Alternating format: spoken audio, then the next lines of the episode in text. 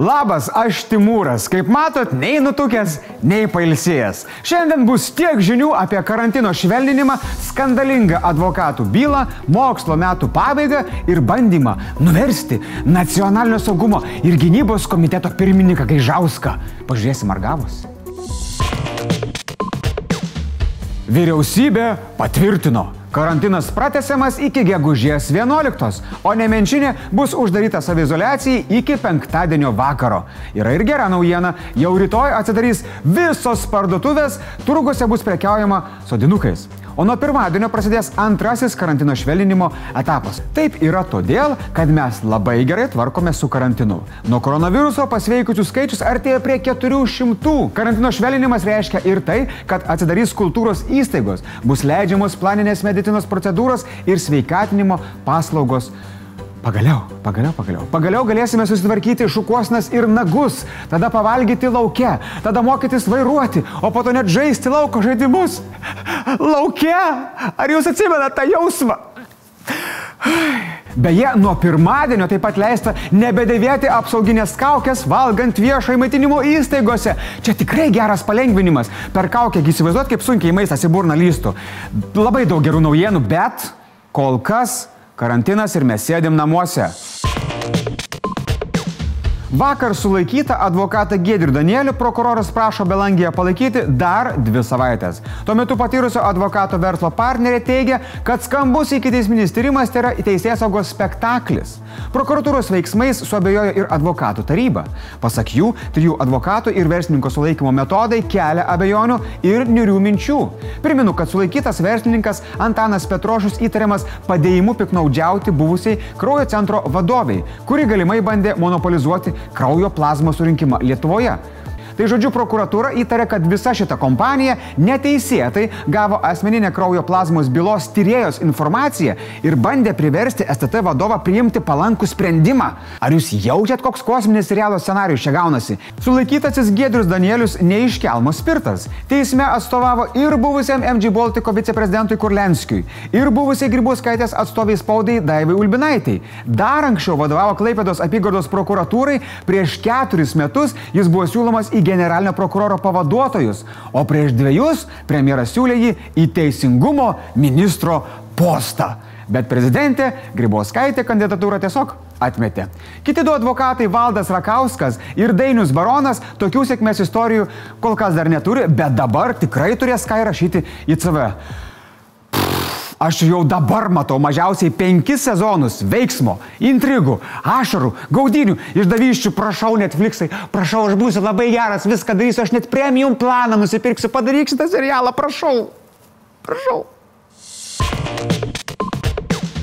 Gera žinia vaikučiams ir blogesnė jų tėveliams. Švietimo, mokslo ir sporto ministras Algirdas Monkevičius siūlo iki vasaros tęsti nuotolinius mokslus, o jau po to mokyklos galėtų spręsti, ar tęsti individualias konsultacijas ir kitas neformalaus švietimo veiklas. Ministerija nėra numačiusi tikslios mokslo metų pabaigos, nes mokyklų darbo intensyvumas skiriasi ir jos pačios sugalvos, kada išleisti vaikus atostogų. Tai jeigu buvot geri, Matyt anksčiau, jeigu blogi. į pasiūlymą mokslo metus baigti anksčiau skeptiškai ir iš labai aukštai žiūri prezidentas. Nuotolinį mokymą jis mato kaip galimybę Lietuvai peršokti į 21 amžių, o iš ministro žodžiai jam skamba kaip neprimtinas nuovargis. Hei, prezidentūros darbuotojai, pamokykite prezidentą naudotis kalendoriumi. Už lango jau 20 metų kaip 21 amžius, ne? O vyriausybė po truputį švelninant karantiną, premjeras yra patvirtinęs, kad gegužę svarstama atnaujinti darželių darbą. Aš reikalauju jau dabar prasukti laikrodžius į gegužę. Greičiau, jau dabar, prasukim. Pamena tą nevykusi nacionalinio saugumo ir gynybos komiteto posėdį prieš savaitę, kuris baigėsi be jokio sprendimo. Ar galima pritvirtinti darbotvarkę bendrų sutarimų? Ne, negalima.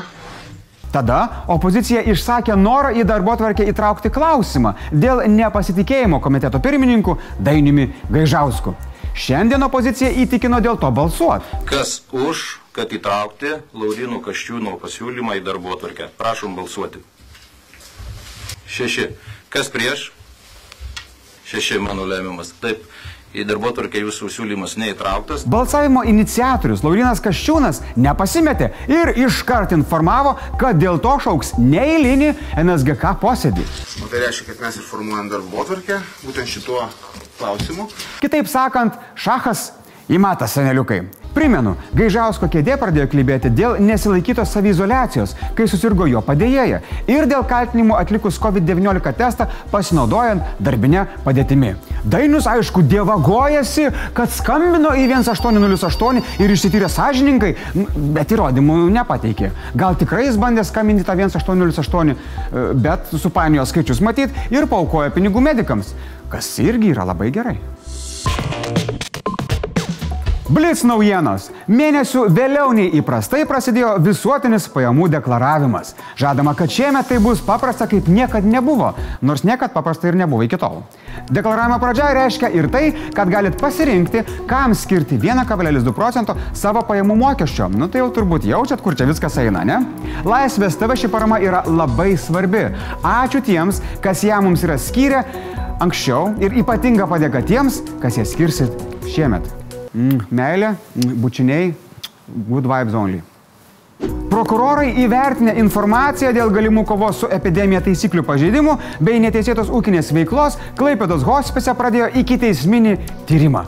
Jokelį apie hospisą susigalvokit patys. Pasaulio koronaviruso susirgymų skaičius perkopė pustrečio milijono. Mirčių artėja prie 200 tūkstančių. Daugiausia susirgymų bei mirčių Amerikoje kur aišku vyksta ir didžiausi protestai prieš karantiną. Su nedarbu dėl koronaviruso kovojančios Amerikos prezidentas Donaldas Trumpas pranešė, kad dviems mėnesiams stabdo imigraciją į valstijas, kad amerikiečiai galėtų lengviau susirasti darbą. Kanados chirurgai paskelbė, kad Toronte gatvėje pašautą moterį išgelbėjo krūtų implantai. Kulka perskrodė kairį implantą, pataikė į dešinį ir jame įstrigo. Tai kadangi tuoj sušvelnins karantiną, tai susidėkime ir mes tos implantus.